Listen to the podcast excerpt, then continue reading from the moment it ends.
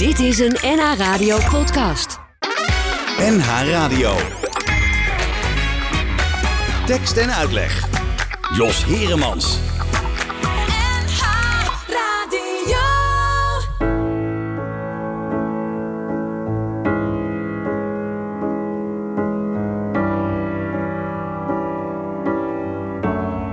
Want de aarde is een beetje dom, die kan alleen maar draaien. Ze heeft geen weet van achterklap en ritselen en graaien. Want de aarde is vaak wat naïef, de mens is onbehouden. Maar zij blijft vol vertrouwen, de aarde is te lief. Toch als het haar te veel wordt, begint ze woest te koken. En zal ze ons bestoken met cholera en pest. Met noodweer en met rampen, met gif en zwaveldampen. Met bevingen en branden, zal zij de mensheid kwellen. En onze doden tellen is alles wat ons rest.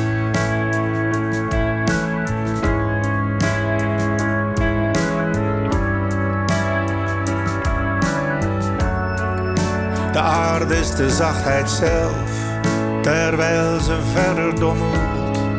Ze heeft geen weet van politiek en religieus gerommel.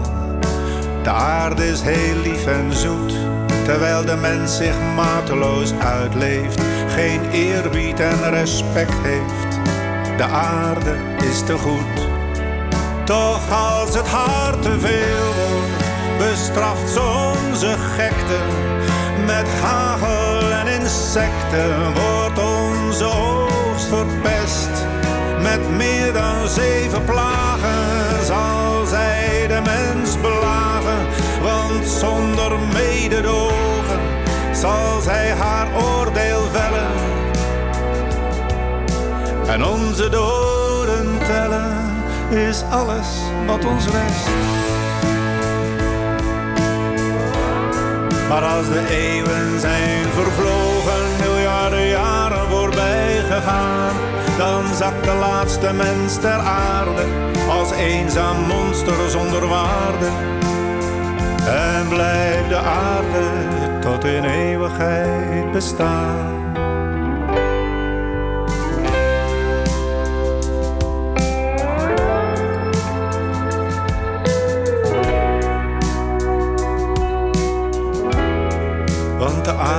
Een beetje dom, weet niets van menselijk leven. Dus laat haar met rust, laat haar gewoon.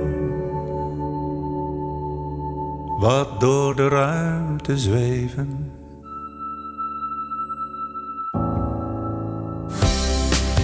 Goedemiddag, welkom bij eh, Tekst en Uitleg. Op deze eh, zaterdagmiddag hebben we begonnen met eh, Boudewijn de Groot. Die eh, heeft eh, ondanks zijn leeftijd gewoon nog zin om eh, nieuwe nummers te maken. Optreden wil hij niet meer, maar hij wil nog wel muziek maken. En dat valt hem te prijs. En hij kan het ook nog steeds heel erg goed getuigen, dit nummer. Aarde heette het. Het is ja, de eerste van een serie singles die hij uitbrengt. En uiteindelijk moet er een heel album uitkomen. Dat zal zo'n beetje half november komen. Dus we zijn in blijde afwachting van wat er allemaal gaat komen. Eh, in tekst en uitleg vanmiddag eh, gaan we het hebben over eh seksklimaat. En dan zul je misschien denken, wat hebben seks en het klimaat met elkaar te maken? Nou, meer dan je denkt. En daarover komen Maria Goos en uh, Sieger Sloot ons meer vertellen. Eh, goedemiddag, Maria. Goedemiddag. Goedemiddag, eh, Sieger. Ja, eh, seksklimaat. Ehm, ik zei het al, het zijn twee delen. Voor welk deel eh, moet ik bij de seks zijn? Bij wie van jullie? En bij, voor wie moet ik bij het klimaat zijn? Oh, God, ja. Nou, we hebben geen spe- specialisme op dat gebied. Nee. Eh, het waren twee onderwerpen waar wij samen met onze vriend... want we hebben die voorstelling met z'n drieën gemaakt... en we spelen hem ook met z'n drieën... Eh, dat waren twee onderwerpen die eh, bij ons eh, eerst eh, vrij lollig in het café steeds eh, eh, eh, besproken werden. En later, toen we, toen we niet meer gingen eh, drinken, eh, tijdens de ontbijtsessies. Ja, want hoe zit dat, eh Sieger? Eh, jullie zijn een vriendengroep. Ja. Michiel de Jong, jij en Maria Goos.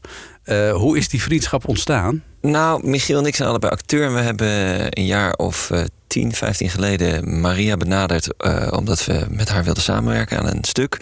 En daar is uiteindelijk een stuk over de bankencrisis uit eh, gekomen. Eh, Mhm. De hulp hebben we met heel veel plezier en heel veel succes een keer of 60 gespeeld. tien jaar geleden. En ja, toen was die voorstelling afgelopen. En toen dachten we. Dit, dit beviel zo goed. en we waren eigenlijk inmiddels ook best wel vrienden geworden. Toen dachten we, we moeten, we moeten eens kijken of we niet nog een keer een voorstelling eh, kunnen maken. En dat, eh, dat werd deze voorstelling. Ja, want jullie spraken af eerst in het café, Maria. Ja, Eh, in, in 2010 speelden we De Hulp. Of speelde zij De Hulp. Dat had ik geschreven en geregisseerd. En toen hebben we jaren... eh, nou ja, jij ging nog, Siga ging nog op reis. Die heeft nog een wereldreis gemaakt. Nou, er gebeurde, eh, Michiel werd eh, vrij snel achter elkaar twee keer vader. Dus eh, de levens werden nogal vol. Daardoor was het moeilijker om gezellig met z'n drieën... o- om 's middags te bellen, zullen we vanavond even naar het café gaan? Dat, dat, werd zo, nou- dat moest wel op lange termijn moest dat gepland worden, weet je wel. Ja. En, en zij werden ook best wel moe, want Sigrid kreeg ook twee kinderen. Dus toen dachten we, nou, dat zuipen, dat, dat bevalt ons eigenlijk niet zo goed meer. Want eh, de, de, de prijs die we ervoor moesten betalen, die werd wel heel zwaar. Ja. En toen besloten we, in 2017, laten we voortaan eh, met elkaar ontbijten. Maar dan ben je ook heel moe. Ja, dat, Ja. dat is ook een terugkerend thema in de Ja. voorstelling. Hoe moe wij zijn. Ja. Vooral de jonge vaders. Ja. En dat, eh, maar dat is iets heel raars wat dat met je doet. Ehm, zo, we gingen elke week afspreken. En eh, nou, dan, dan eh, hadden we lekker brood mee. En dan hoopte ik dat Maria echte kaas had. Want die aten we thuis niet meer. Ehm, Oh nee, waarom niet? Nou ja, ik was in de tussentijd eh, eh, veganist geworden. In de zin van, ik, ik eet thuis veganistisch. En ik dacht, ja, als ik dan buiten de deur eet... dan moet ik natuurlijk gewoon eten wat er is. Dus dan hoopte ik dat Maria Oh, oké. echte kaas had. Je zag een, een escapeje voor één moment. Ja, ja, Ja. want Ja. Dat, dat was inmiddels wel echt duidelijk. We wilden een voorstelling maken over eh, klimaatverandering. Tenminste, eerst waren Michiel en ik die dat, eh, degene die dat wilden. En, en het werd Maria steeds duidelijker eh, dat, dat het een goed idee was. Ehm, en eh, ja, bij, bij dat hele klimaatprobleem, daar komt gewoon zoveel eh, worsteling kijken met ja, hoe ga je dat dan doen? Ga je dan minder vliegen? Ga je dan minder vlees eten? Ga je dan vegan worden? Ga je... En al die dingen, eh, ja, die, die, die, die kwamen bij mij ook kijken. Kan die bij jou ook kijken? Ja, precies. Kunnen jullie zeggen wat de overeenkomst is tussen jullie... waar die vriendschap op gestoeld is? Want je moet altijd een soort van geestverwantschap voelen... als je vrienden bent. Tenminste, die ervaring heb ik. Ik denk dat we alle drie een enorme liefde hebben voor toneel. Eh, en we houden, het zijn alle drie echt wel enorme oude hoeren. dat is denk ik wel echt een hele goede samenvatting. Ja. We houden ontzettend van heel veel en heel lang oude hoeren. Over van alles eigenlijk. Maar, maar het liefst niet over het klimaat. Nee. Oh, Michiel en ik vonden dat zo'n vervelend, deprimerend onderwerp. En waar zijn jullie toen op uitgekomen? Nou, deze jongen hier naast mij, die, die bleef dat toch standvastig doen. En dat heeft wel op een gegeven moment, maakte dat wel indruk.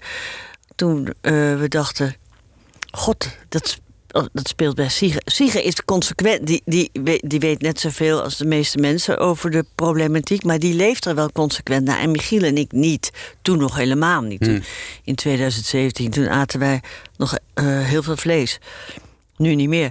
Ehm, maar eh, doordat Siege daar zo consequent in was, in zijn leefstijl, eh, eh, dat maakte indruk. En toen dachten we, ja, dat, laten we het daar eens echt over hebben, in plaats van het steeds maar weg te duwen. Hè? Want dat Ja. deden Michiel en ik. Niet over het klimaat, niet Ah, over het klimaat. En hoe was dat nou met jou, met Michiel samen, Sigger? Want als jij al- als Michiel en Maria samen eigenlijk vonden dat jij het niet over het klimaat moest hebben. jij was al vrienden met Michiel. Eh, Ja. Hadden jullie daar eh, vaak eh, verschillen van mening over? Nou, het grappige is dus, ja, ik, ik hoor mezelf net zeggen van Michiel en Maria vonden het ook een goed idee. om- En ik, nu zegt Maria net, van vonden het helemaal niet Helemaal een goed niet. idee. ik heb dus de hele tijd het gevoel gehad dat het echt een hartstikke goed idee was om een voorstelling over klimaatverandering te maken. Nou, ik heb er alles aan gedaan om dat dat niet zou lukken. Nou, het is, het is je niet gelukt. Nee, dat is me niet gelukt. Ik dacht, nee, dat kan ik niet hoor. Daar kan ik echt niet, daar kan ik niet over schrijven. Het is gewoon te... te groot en te deprimerend. Maar is het misschien ook te geëngageerd dan? Dat het een thema is waarbij eh, eh, je meteen weer heel veel dingen losmaakt... waar je eigenlijk helemaal niet op zit te wachten. Ja, dat is ook zo. Hm. Ja, dat is de consequentie. Dat, eh, dat is het dan toch geworden. Ja, maar ja, dat- als schrijver kun je Ja. dat soort thema's natuurlijk... eh, hè, jij als schrijver kunt dat soort thema's natuurlijk wel heel mooi aanroeren. Ja, En- dat is zo. Maar ik heb altijd een verhaal opgebouwd via de karakters. En nu eh, was het, Hmm. Het thema. ontstond het vanuit een thema. En daar was ik een beetje bang voor. maar die karakters die zaten gewoon bij jou aan die tafel. zaten gewoon aan tafel. Ik wou het zeggen, want Maria was dus natuurlijk de hele tijd met, met als, als de, de schrijver in haar achterhoofd was aan het meeluisteren van Ja. oh my god, hoe moet ik dat dan straks eh, tot een voorstelling en Ja. tot personages eh, en, en, en drama gaan eh, om, omsmeden. Ja. En Michiel, nou laat ik het even bij mezelf houden. Ik dacht gewoon alleen maar, ja, maar we moeten het hierover hebben. Dit is het thema van deze tijd. Dit is, je, we kunnen het hier niet over hebben. En eh dat komt wel goed. Ehm, en in zekere zin is het eigenlijk ook daardoor goed gekomen. eh, omdat inderdaad die personages die zaten aan tafel. Ja, die Maar zaten je, aan tafel. maar je had niet het idee van, nou, die Maria en die Michiel... die wilden het helemaal niet over het klimaat hebben. Ik zoek wel een andere scenario schrijver die dat wel wil. Nee, niet gehinderd door enige angst over dit onderwerp. Of enige kennis over hoe moeilijk het zou zijn om hier een stuk van te smeden. Dacht ik gewoon, dit gaan we doen. Dit wordt, eh, dit wordt superleuk. En het is ook heel, heel leuk geworden. Want het grappige is wel dat we... We hadden het met z'n drieën wel heel snel... Maria en Michiel wilden er dan niet over praten in het Nee. begin. Maar we hadden er uiteindelijk wel hele goede en zelfs hele grappige gesprekken over. Oh, dat wel. Ja, die worsteling is namelijk gewoon. Bedoel, waar, waar ik mee worstelde, dat was ook waar zij mee worstelde. Hmm. En dat is denk ik ook de, het succes van de voorstelling nu. Die is voor iedereen herkenbaar. Iedereen worstelt in meer. of Iedereen vindt er wel iets van zichzelf in terug. Ja. Ja, want Ja. het is, bedoel, of je er nou heel veel mee bezig bent of een beetje, we weten allemaal ergens wel dat we er iets mee moeten. En niemand wil naar een stuk gaan kijken waarin alleen maar verteld wordt: dit is niet goed en dat gaat niet goed. Maar zien hoe andere mensen het proberen en op hun bek gaan, dat is leuk. Dat is leuk om te En zien. herkenbaar. Inderdaad. Ja. Eh, ik wil even naar jullie agenda's. eh, want ik heb zo ook een nummer eh, wat dit eh, aangaat. Maar eh, hoe spraken jullie dan af? Want hoe krijg je het voor elkaar om iedere keer zo'n ontbijt te, te Het regelen? was een vaste, Vaste dag. Dinsdagochtend 9 uur. Ja. Altijd. Ja. En er sloeg nooit iemand over. Jawel. Oh. Zeker. Ja. En wie, maar wie het meest? ik denk, nou op een gegeven moment kreeg Michiel, die ging eh, regisseren. Die kreeg Ja. het erg druk. Ja. Hmm. Maar, Maar, dan gingen we ook wel eens door. eh, zonder hem. We gingen eens ja. tweeën. Zeker, Ja, zeker. Zeker toen we op een gegeven moment wel een soort van de structuur van de voorstelling in ons hoofd hadden. Toen. eh, En ben je, dan, zeggen, ja, ben je dan wel heel fris en zo? Uh, s morgens om negen uur. Ja, het is Nou, nooit mijn sterkste tijd, moet eerlijk gezegd. Nee, bij ons ook niet. En, maar eh het is een zo'n groot verschil met in de kroeg zitten. Want dan, eh, je zit daar in de kroeg zit je voor ontspanning. En dezelfde onderwerpen die we in de kroeg bespraken... die werden s ochtends op je nuchter maar om negen uur... daar spraken we dan toch heel anders over. Dat is veel, waar. veel serieuzer eigenlijk. Dat kan ik me ook Veel inhoudelijker. Ja. Ja, ja, je bent wat meer eh, back to the basics dan Ja, nog. zoals je. Wij, wij, wij, on- wij zijn ook wel naar het huisje van eh Sieger geweest in Garderen. eh, een paar keer een weekend. En dan duurde die ontbijten zowat de hele dag, hè? Nou ja, als het wat oplevert, mag dat, toch? Precies. Ja. En Zij- waar spraken jullie normaal gesproken af? Bij mij? Bij jou thuis. Ja. Zij vinden dat ik hele lekkere nasi kan maken. En tot, Eh, bij het ontbijt? en dan maakte, ja, nou, Soms inderdaad, joh. Dan maakte ik een pan zo groot dat ik dacht, dat kan niet dat die in een weekend opgaat. Maar zij, zij ontbijten, lunchen en avondeten met nasi. Het is een wonderlijk verhaal. Het Goed, is, het is- Goed eh, een klein, klein kijkje in de keuken van eh, de acteurs uh, Sigrid Sloot en uh, Michiel de Jongste zijn dol op nasi. Nou. Over nasi gesproken, zullen we daar dan meteen nog eventjes op aansluiten? Over, dat is misschien wel aardig. Want dat is ook een beetje het thema van, van de voorstelling ook over veganisme en dergelijke.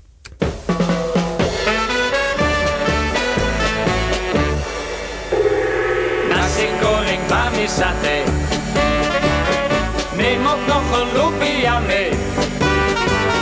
Eet je maar op, het is ook zo gezond. Ja, de Chinees doet veel meer met vlees. Nasi goreng bami satay.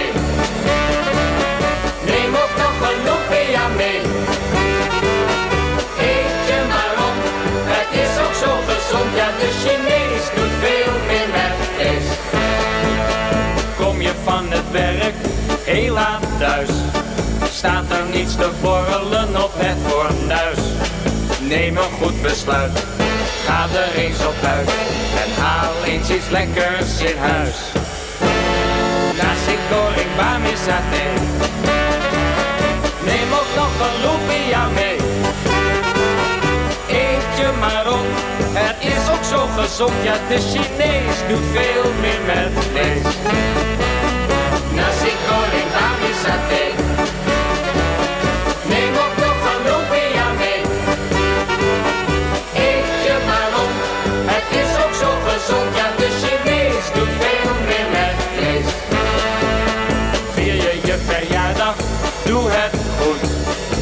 Die leuke feestdag eens zoals het moet. Drink een goed glas bier, maak maar veel plezier. En vergeet ook niet dat je wat eet. Nasi goreng bami satay. Neem ook nog een lumpia mee. Eet je maar op, het is ook zo gezond. Ja, de Chinees doet veel meer met vlees. Nasi goreng bami satay. Neem ook nog een lumpia mee. Eet je maar op, het is ook zo gezond. Ja, de Chinees doet veel meer met vlees. Nasi goreng bami satay. Ja, de stemming zit hier al goed in. Mocht je straks eh, willen e- moeten eten nog en eh, weet je niet eh, wat je moet eten.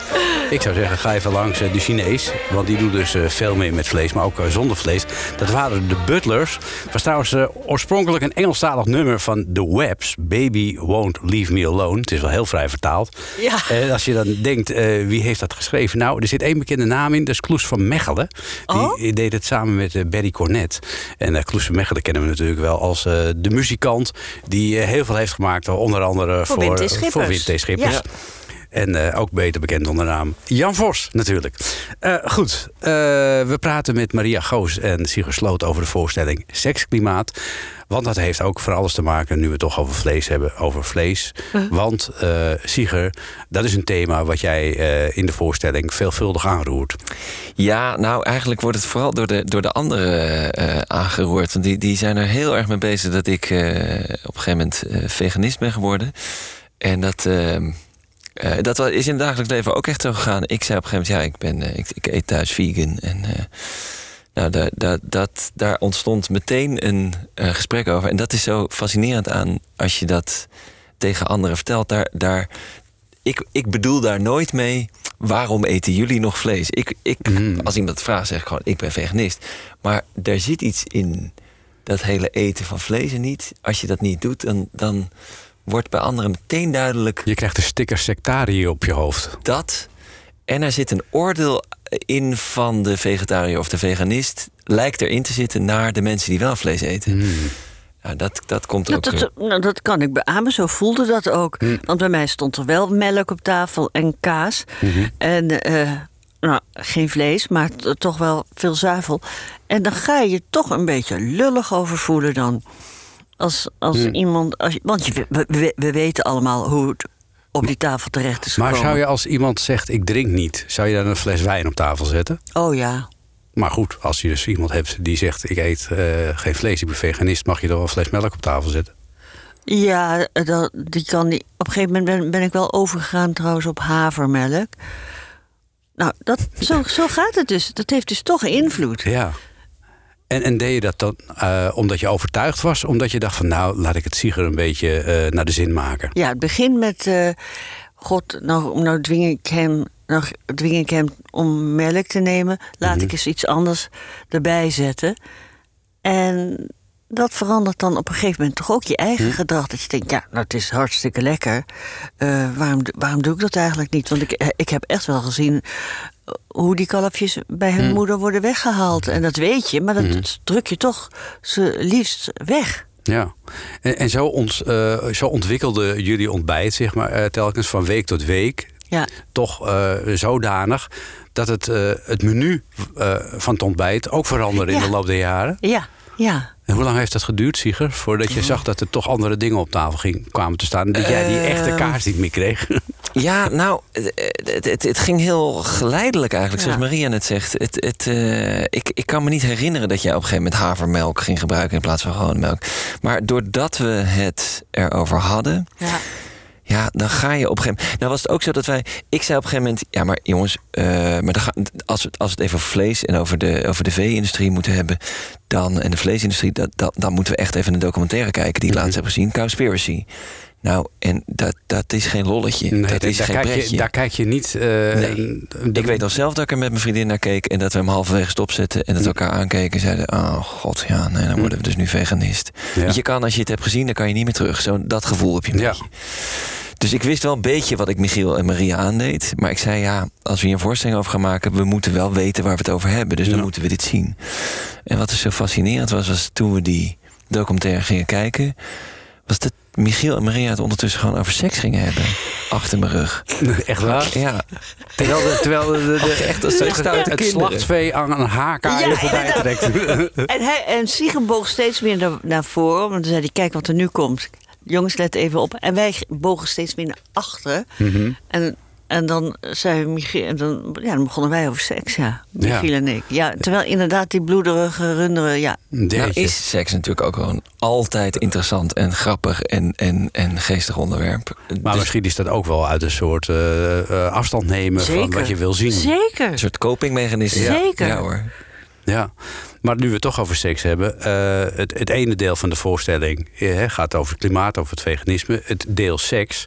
Eh, hoe, is dat er, eh, hoe is dat er zo ingefietst? Dat kwam, wij kennen elkaar vanaf 2008 en in 2013, eh, 2010 ging Michiel scheiden van zijn vorige vriendin. En in 2013 ging ik scheiden. En onze scheiding hebben we totaal anders eh, verwerkt.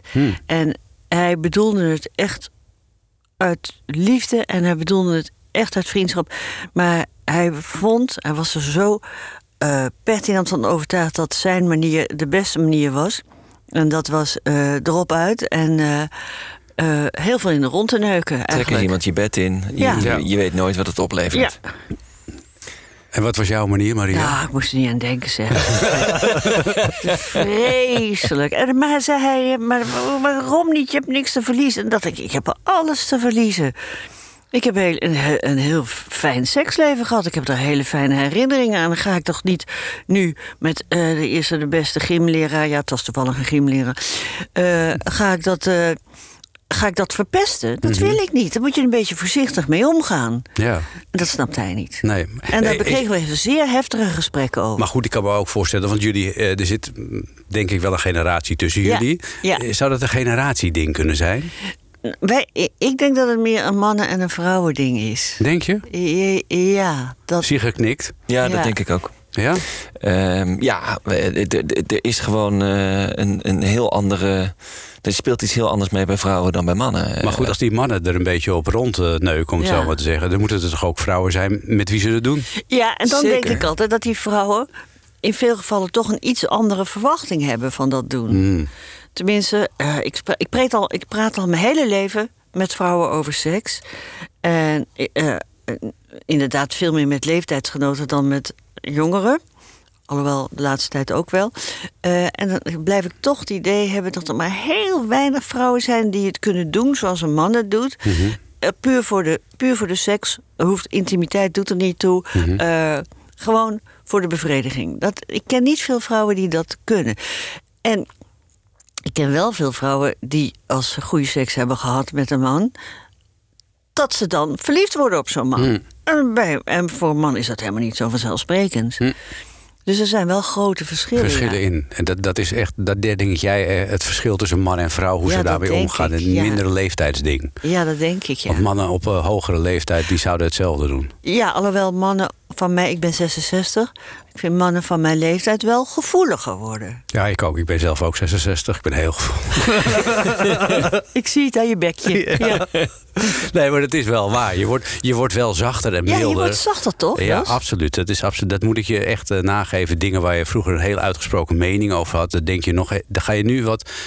Je probeert wat eh, dingen vanuit meerdere standpunten te bekijken. En je hebt daar ook ruimte en rust voor in je hoofd om dat te doen. En is dat dan ook op, op seksueel gebied, geeft dat dan ook een verandering?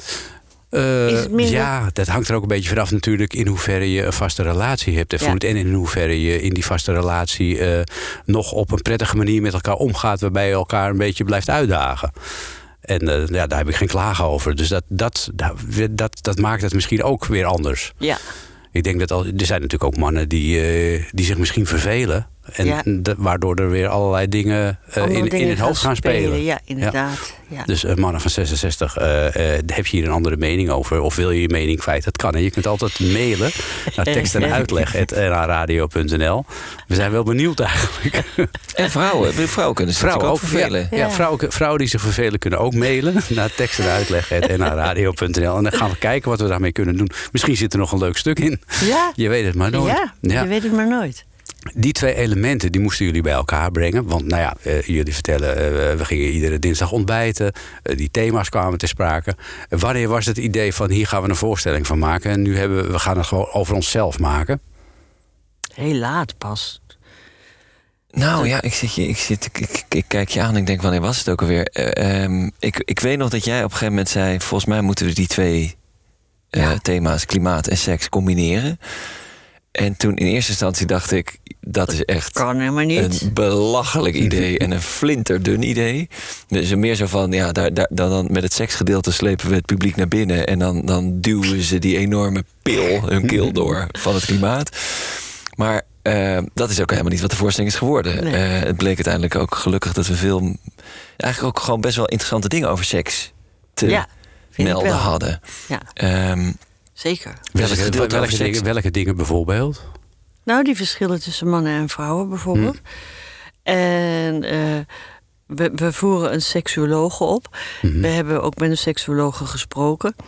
En dat is altijd wel. Ik, soms bevangt me als ik veel oudere mensen in de zaal zie ook wel een soort van gêne als het uitgebreid over eh, eh, de clitoris gaat.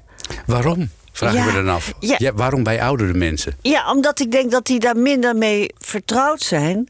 eh, dan, dan jonge mensen. Dat legt die seksologen ook uit. Dat voor mijn generatie vrouwen dat hele ding eh, eh, is nooit besproken. Is Tot- nooit, kwam tot- in de biologieboeken niet voor. Tot halverwege de vorige eeuw kwam het gewoon in de biologieboeken niet voor. Werd het Nee. niet, niet beschreven, de clitoris. En, Nee. en als het dan werd beschreven, dan was het een knopje zonder enige relevante Ja. betekenis. Ja, dat is ook Dus wel weer zo. ja. Daarom denk ik, oeh, ja, nou, en dan wordt En het... hoor je dat soort reacties ook dan? Nou, dat vind ik altijd zo fascinerend. Want Ik speelde je seksuologen in de voorstelling. En er zijn echt avonden dat je zo'n hele zaal... en dan vooral het vrouwelijk gedeelte... Die zeggen oeh. echt zo'n soort geroezemoes door de zaal Mm. Eh, eh, hoort gaan.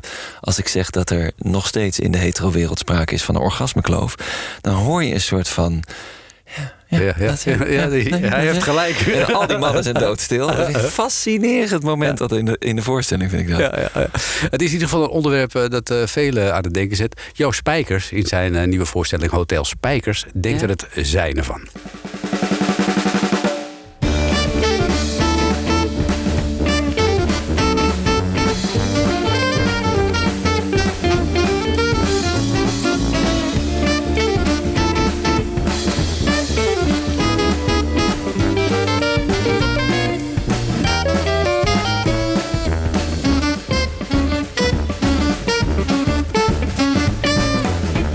Beneukt op de tafel, beneukt op de bank, beneukt in de keuken, beneukt op de gang, beneukt in de voortuin, beneukt op het strand, beneukt er bij je ouders tegen de schrootjeswand.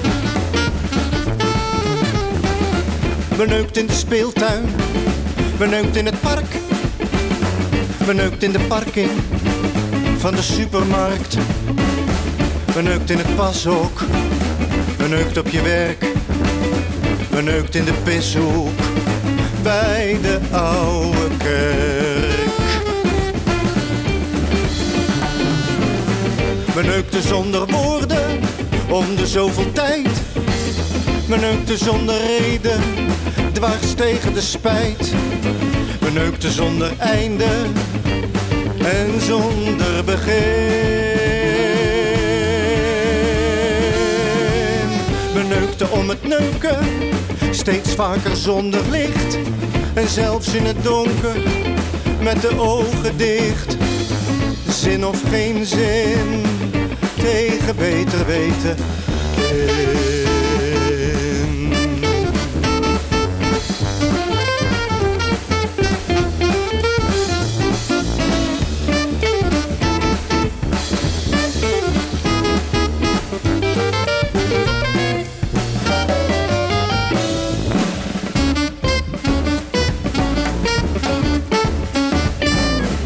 We neukten voor de spiegel, we neukten in de trein.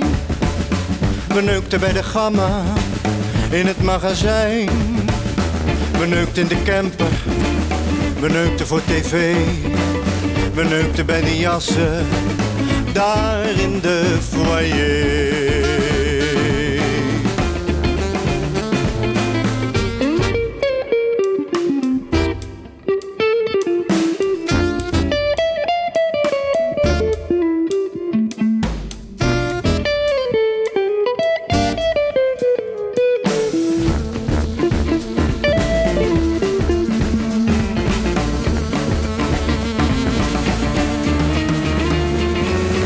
We neukten zonder woorden, om de zoveel tijd.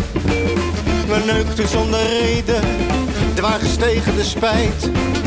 We neukten zonder einde en zonder begin.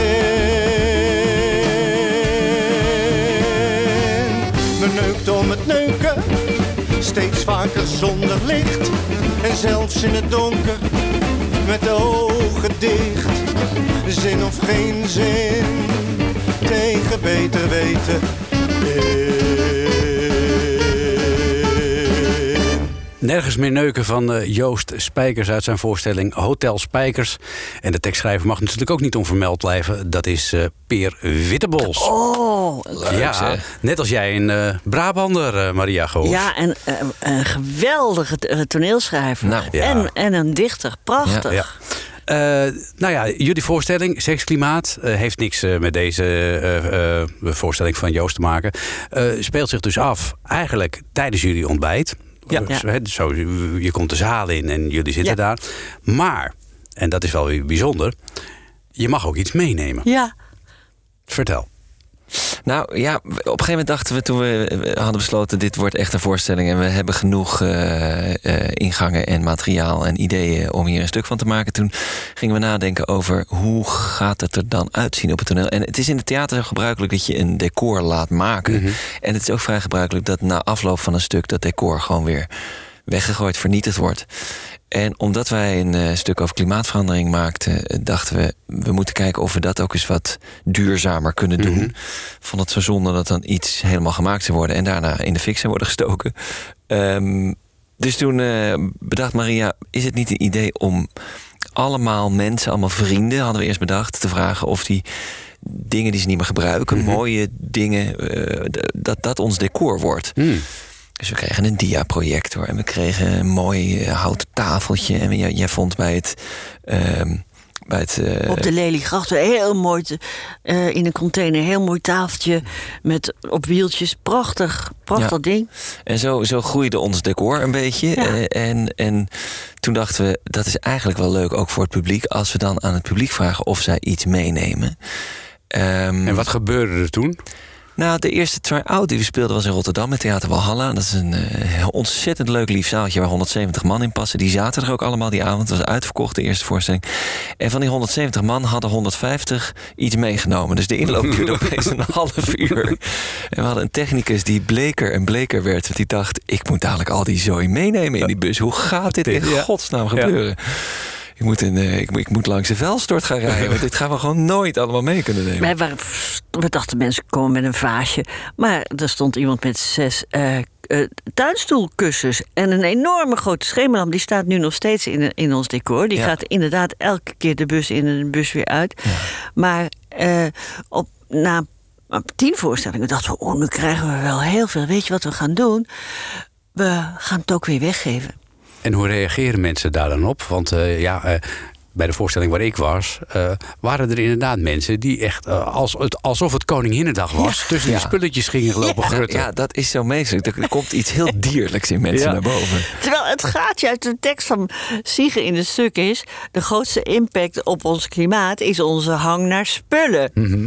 Maar na afloop zie je mensen toch wel... eh, maar we nodigen ze daar ook toe uit, hoor. Kom maar het toneel op en eh, Nee, niet uit. alles. Want we, sommige dingen zoals die schemerlamp en de kerstboom... en de, En een opblaasding, hebben jullie dat nog? Er was ook een soort zebra, ja, die een lekt toch. opblaasbare zebra. Die is lek Ja, nu, Die is ja. nu lek. Oh, Ja, die oké. is lek. Maar die gaan we repareren zoals dat hoort. Heel duurzaam. Eh, En dan heeft, heeft iemand een, eh, zo'n ouderwetse leren grote eh, clubtas, een golf eh, met twaalf golf.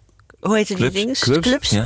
eh, meegebracht. Je meent het. En in Delft kwam iemand met een hele grote leren fauteuil. Ja, Ja. die hebben we nu ook. Ja. Ah, Oké, dus het ziet er alweer anders uit Ja, het dan er een paar uit. weken geleden. Ja, en dat is dus heel leuk. Dat zorgt ervoor dat we het, eh, dat het nooit eh, elke avond is anders. Mhm. En, en eh, het zorgt ervoor dat het is voor ons heel leuk om te kijken wat we. Eh, als iets wordt ingebracht, of we dat diezelfde avond nog kunnen meenemen in het stuk op een bepaalde manier. Ja, want je moet het wel inpassen natuurlijk. Precies, dus het kan niet altijd. Nee. Ehm, Met een sjoelbak kan je in een stuk niet zoveel doen. Nou, je kunt een minuutje gejoelen. Ja, precies. Of En je een- kunt het publiek laten meedoen, zo, zoals Ja. jullie ook toosjes Nou, rondgeven. We, we hebben wel gedacht, dit is eigenlijk misschien al wel genoeg een basis om gewoon een heel stuk te improviseren met wat mensen meebrengen. Mhm. Ja. Want alles heeft een verhaal. Ja. Dat is ook zo mooi, hoe ze eraan komen en waarom ze het weer wegdoen. Ja, waarom wil je er vanaf ook inderdaad? Ja. En hoe maak je die keuze? Wat, Ja. wat zijn de overwegingen om juist dat mee te nemen? nou, we ik- hebben in eh, Alkmaar kwam een, mene- eh, nee, iemand bracht een tipi, weet je wel, zo'n Ja, zo'n- kinderspeelgoed, zo'n tent, bracht dat in. In Alkmaar nam iemand die weer mee. En in Purmerend, eh, de dag eh, daarna, werd diezelfde tipi weer teruggebracht. Je meet het. Omdat de nieuwe man van, van de vrouw zei, ik wil dat ding niet in huis. Dus die moest hem weer terugbrengen. Ja, dus toen, toen kwam die weer terug. Dus ja, alle, al die spullen hebben een verhaal. Maar ja. de diatafel Ja. en het diaapparaat, Ja. dat spelen wel een belangrijke rol. Want we gaan ook een deel terug in jouw leven, Maria, in deze Van alle voorstelling. drie, hè? Ja, ja, maar voor jou maakte die bij mij op de een of andere manier de meeste indruk. Ja, omdat maar ik komt die- langer leef. Dat denk ik, ja. Ja, en ik denk ook dat het meer indruk maakt omdat het zo. eh, het wordt in de, in de voorstelling ook genoemd. Het verschil tussen Maria en Michiel en mij. Ik heb Michiel en ik zijn ongeveer van dezelfde generatie. Het verschil tussen Maria en Michiel is 17 jaar. Maar Mm. het lijkt soms wel eens, als we in die voorstelling teruggaan naar de tijd dat Maria jong was, dat dat niet 17 jaar verschil is, maar 170. Want Ja. eh, ik ben opgegroeid in de jaren, jaren 80, eind jaren 70, jaren- begin jaren 80. Ik ging eh, elk jaar skiën met mijn ouders. En ik ging elke zomer op vakantie. eh, op zomervakantie eh, naar, naar Frankrijk bijvoorbeeld. Eh, Maria vertelt dat toen zij opgroeide in de jaren 60... dat nou ja, haar ouders die hebben misschien één of twee keer de zee gezien in, in hun hun hele leven. leven. Ja. ja. Ehm, ze hadden geen douche vroeger. Dat Nee. is Die niet gingen in de dat. Maria in zo, zo, arm is opgegroeid. Dat was, Dat toen. was er gewoon niet. Dat was er niet. En Nee. één kolenkachel, daar werd het Ja. hele huis mee verwarmd. Dus zij zijn opgegroeid met de cv. Ja, en dat is, voor hun is dat Ja, vanzelfsprekend. er is natuurlijk ontzettend veel eh, veranderd in, met name de laatste twintig Ja. jaar ook. Ik bedoel, ja, wij zijn, Maria en ik, eh, wij zijn ooit zonder computer opgegroeid. Ja. Bijvoorbeeld. Kan je je dat dingen. voorstellen? Ja. Zonder de eerste kleuren-tv, dat was Ja. nog een wonder. ja, zeker ja. Dus ja, dat zijn natuurlijk wel dingen die... Nou, dat vergeten we wel eens. Dat Ja. het dus zo snel, Ja. zo goed is gegaan. Ja, Ja. ja, En, zeker. en hoe eh, gewoon dat eigenlijk nu al is. En Ja. hoe, hoe, hoe, eh, ja, hoe kort al die dingen eigenlijk nog maar in ons leven zijn. Nou ja. En hoe, eh, nou ja, eh, eigenlijk ook hoe, hoe prima het leven toen eigenlijk ook al was. Terwijl het nu Nou, het ook- werd steeds beter. Het, de grote teleurstelling voor, voor mij is dat... eh, eh, het is fijn om eh, een heel huis te hebben dat helemaal verwarmd is... en, en comfort is erg prettig. Maar je zou toch denken dat er op, op een bepaald punt genoeg comfort is. En Ja. dat blijkt dus niet zo te zijn. Nee, mensen willen altijd meer. Ja, En dat, en dat maakt het ook wel weer kwetsbaar. Want alles wordt natuurlijk ook heel eh, technologisch eh, ontwikkeld. Ja. En tegenwoordig moet je, eh, als je in de bus zit, thuis je verwarming al kunnen aanzetten met een app. Ja. Dan denk ik, ja, waarom? ja. Maar ja, het is er wel. En als het er is, dan wil je het hebben. Dan wil je het hebben, er zijn, dan zijn Dat er veel is- mensen die het willen hebben. Ik zit er Ja, nou, dat vind ik dan nog wel een hele slimme technologische ontwikkeling. Ik bedoel, dat huizen beter geïsoleerd worden en dat Mhm. we zonnepanelen krijgen, denk ik allemaal top, ideaal, fantastische technologische ontwikkeling. Maar al die zooi die we verzamelen in ons huis, die gekomen is met de welvaart, daar denk ik van, is dat nou vooruitgang of is dat gewoon voortgang? Wat hebben jullie bijvoorbeeld thuis staan waarvan je denkt, wat, wat moet ik er eigenlijk mee? Nou, dat heb ik niet zoveel. Maar Sigrid loopt qua- ook op dat gebied weer enorm voor, voor op, eh, op mij in ieder geval. Hij heeft zonnepanelen en een Oh. groen dak, hè? Ja, Oh, met, met van dat mos. Ja. ja. van dat sedum. Ja, Ja. Ehm, eh, de- de- de- ja nee, ja, maar, maar los daarvan, ik, ik ben ook gewoon be- bewuster gaan leven over en, en, en bewuster dingen gaan kopen. Dus ik, Hm. ik koop niet meer nieuwe kleding. En je kunt natuurlijk ook veel meer delen tegenwoordig. Je kan- allemaal van, van, van die, is- van die mijn vriendin- deelapps. Mijn Ja. vriendin heeft met een paar vriendinnen een kledingtas. Of die hebben van die, van die eh, ruilmiddagen. Ja. Waar ze gewoon Oh, allemaal... Die hebben, eh, hun kledingkasten puilen allemaal uit. Ehm, en ze denken gewoon, eh, als we, als we t- t- tw- zes keer per jaar bij elkaar komen... en we nemen allemaal mooie dingen... die we zelf eigenlijk niet meer dragen mee... dan zijn ze allemaal daarna Ja. ontzettend blij mee. Ja, dat hoor je van vaker. Ja. Maar Ja, ik hoor het leuk, ook van mijn dochters. Ja. Dat, dat, dat soort dingen, dat gebeurde vroeger niet. Ja, Nee, dat was eigenlijk een beetje de min tweedehands kleding. ja, Ja. inderdaad. Ja, ja, ja. Je hebt de tijd ook nog meegemaakt, eh, Maria, natuurlijk. Van dat die, behalve die technologische ontwikkeling. Ook de hele, eh, ja, eh, de hele maatschappij in beweging was, de jaren Ja. 60. Ja, Hoe was dat? Dat zit ook in het stuk. ja dat, ik ben heel erg blij. Ik ben een nakomer, eh, 15 jaar jonger dan mijn broer en 10 jaar jonger dan mijn zus. Zij hebben echt nog armoede gekend thuis. En ze hebben ook niet de tijd meegemaakt dat je je, le- je, je leven kon, in eigen hand kon houden. Je leven kon maken. En dat, dat eh, is voor mijn generatie, ik ben misschien wel de eerste generatie die dat wel kon. We konden gaan studeren. Wat ook verregaande gevolgen had, hè? want die familiebanden werden daardoor vaak wat, wat losser en verdwenen soms zelfs. Eh, eh, dus die tijd was voor mij die individualisering, wa- waarvan we nu denken, nou, zijn we daar niet een beetje te ver in doorgeschoten? Maar dat ik die kans heb gehad, bijvoorbeeld om naar de toneelschool te gaan, dat was voor mij geweldig. En dat er zo'n politiek bewustzijn was. En zo'n engagement leefde. Hè? Eh, ik noem in de voorstelling de kabouterbeweging, Amsterdamse kabouterbeweging. Die ook op mij in, in Breda toch een enorme indruk maakte. Dat engagement. Er werd ook vreselijk veel gedemonstreerd. Maar die- dat politieke, die, die, dat politieke engagement van de gewone mensen, zeg maar. Dat eh, mis ik wel Ja. nu, in deze La- tijd. Ik eh, stel voor dat we even gaan luisteren naar eh, Frans Halsema. Die heeft over die hele kabouterbeweging een kabouter tango geschreven. Waarbij hij die beweging dan natuurlijk weer op de hak neemt.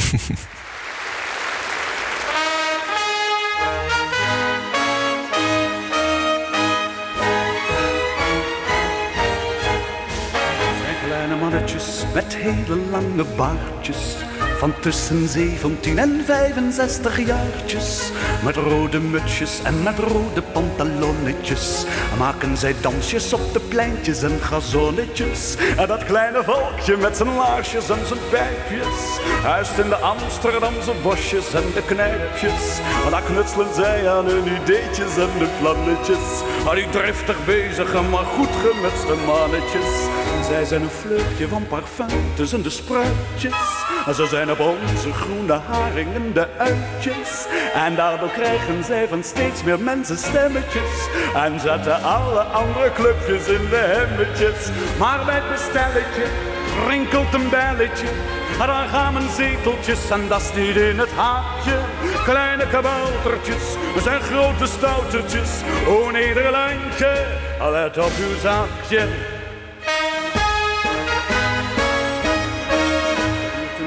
Maar misschien ook nog één nachtje. En dan staan we op en plotseling hebben ze het machtje. Ze hebben het poortje geforceerd van het tweede kamertje. En god, ze spelen al met Frans van Tiel zijn hamertje. En eentje zit er op de klok van het ridderzaaltje. En kondigt wetjes af in een onzedig taaltje. En dan maakt na ieder wetje uitgelaten sprongetjes. Onder de kreet weg met de lunches en de jongetjes. In Utrecht zetelt al een nieuw klein kardinaaltje. En op de Dam vertelt Sam Kalden een verhaaltje. En ook op Schiphol is het meteen een ander leventje. Daar landt met vriendelijk gebrom een DC-7'tje.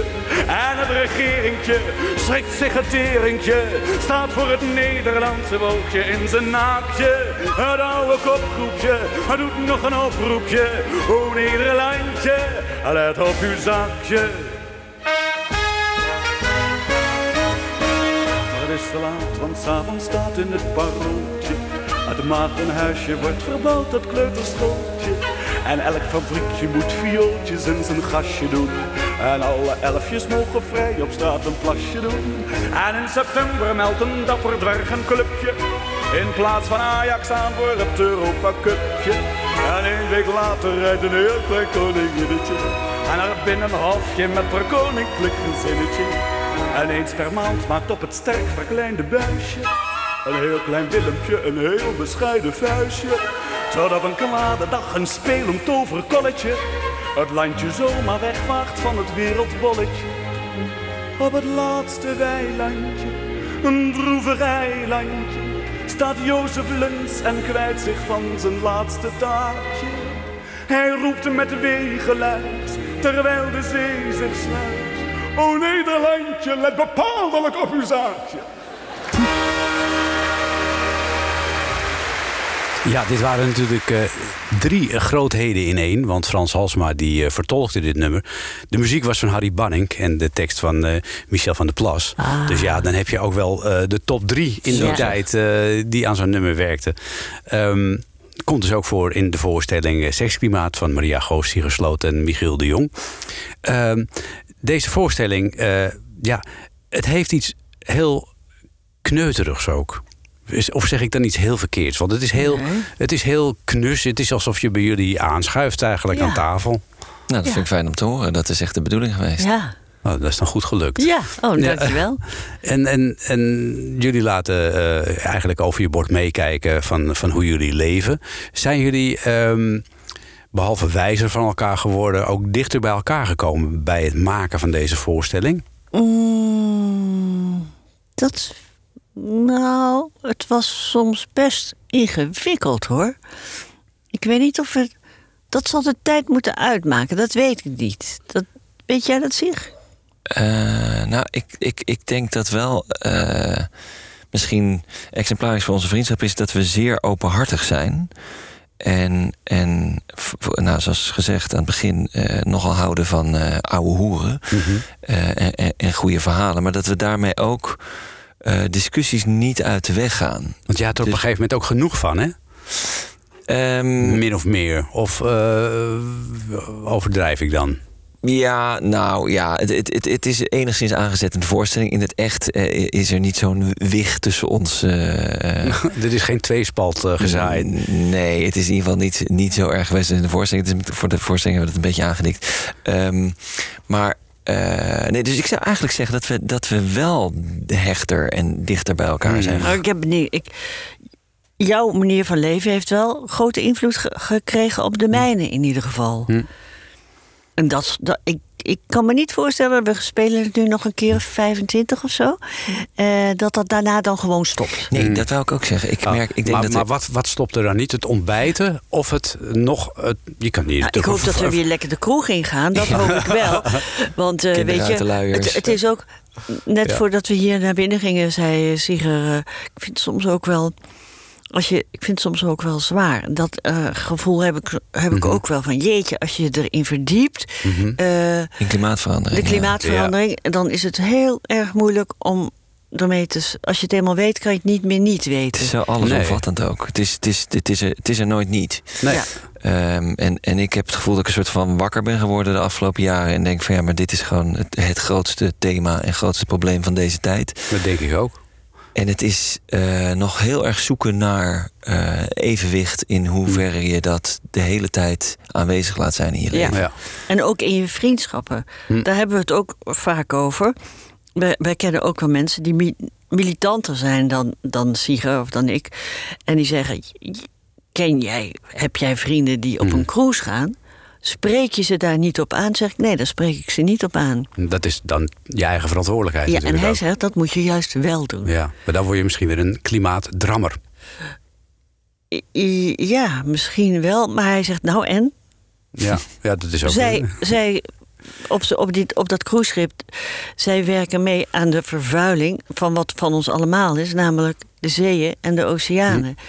Mag je ze daar niet over op aanspreken? Ja, Ja, ik, vergelijk, ik vergelijk het hele klimaatverandering en hoe we daarmee worstelen eigenlijk eh, wel- vaker met een eh burn-out. Ik heb, ik heb eh, vrienden die hebben een burn-out gehad en die opvallend daarbij vind ik dat. Dat ze allemaal nadat ze eh, die burn-out hebben gehad, heel erg moeite hebben om opnieuw hun grenzen te bepalen. Want je dacht altijd te weten van, oh nou, ik kan tot zover gaan en, en dan ga ik te ver.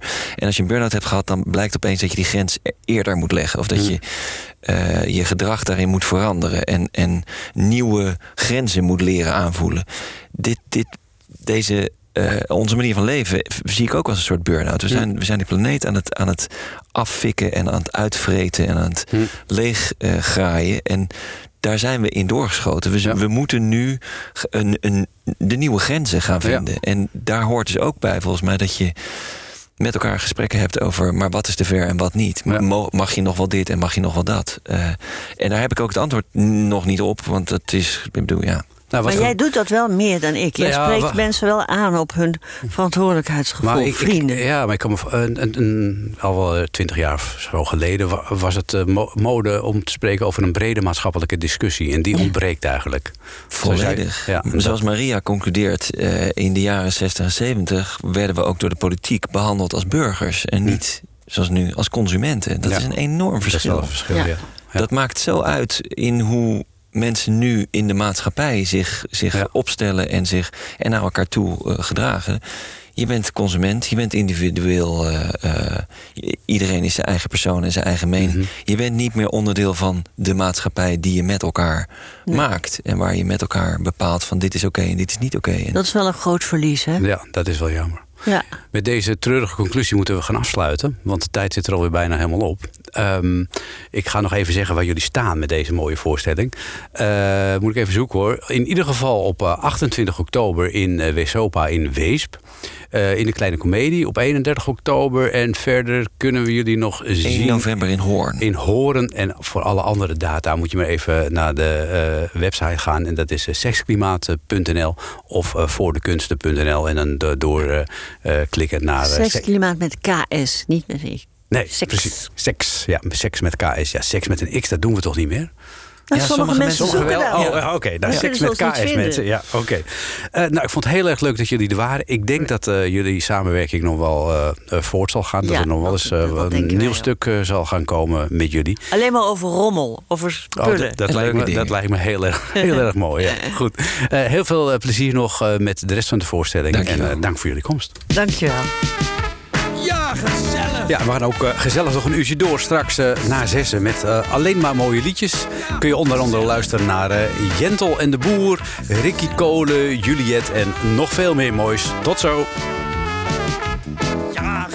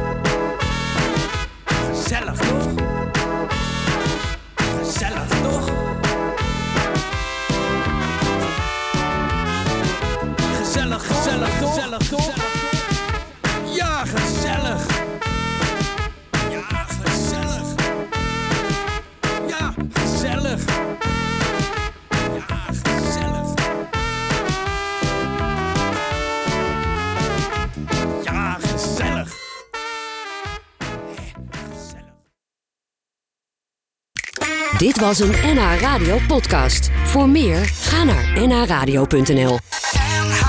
Radio.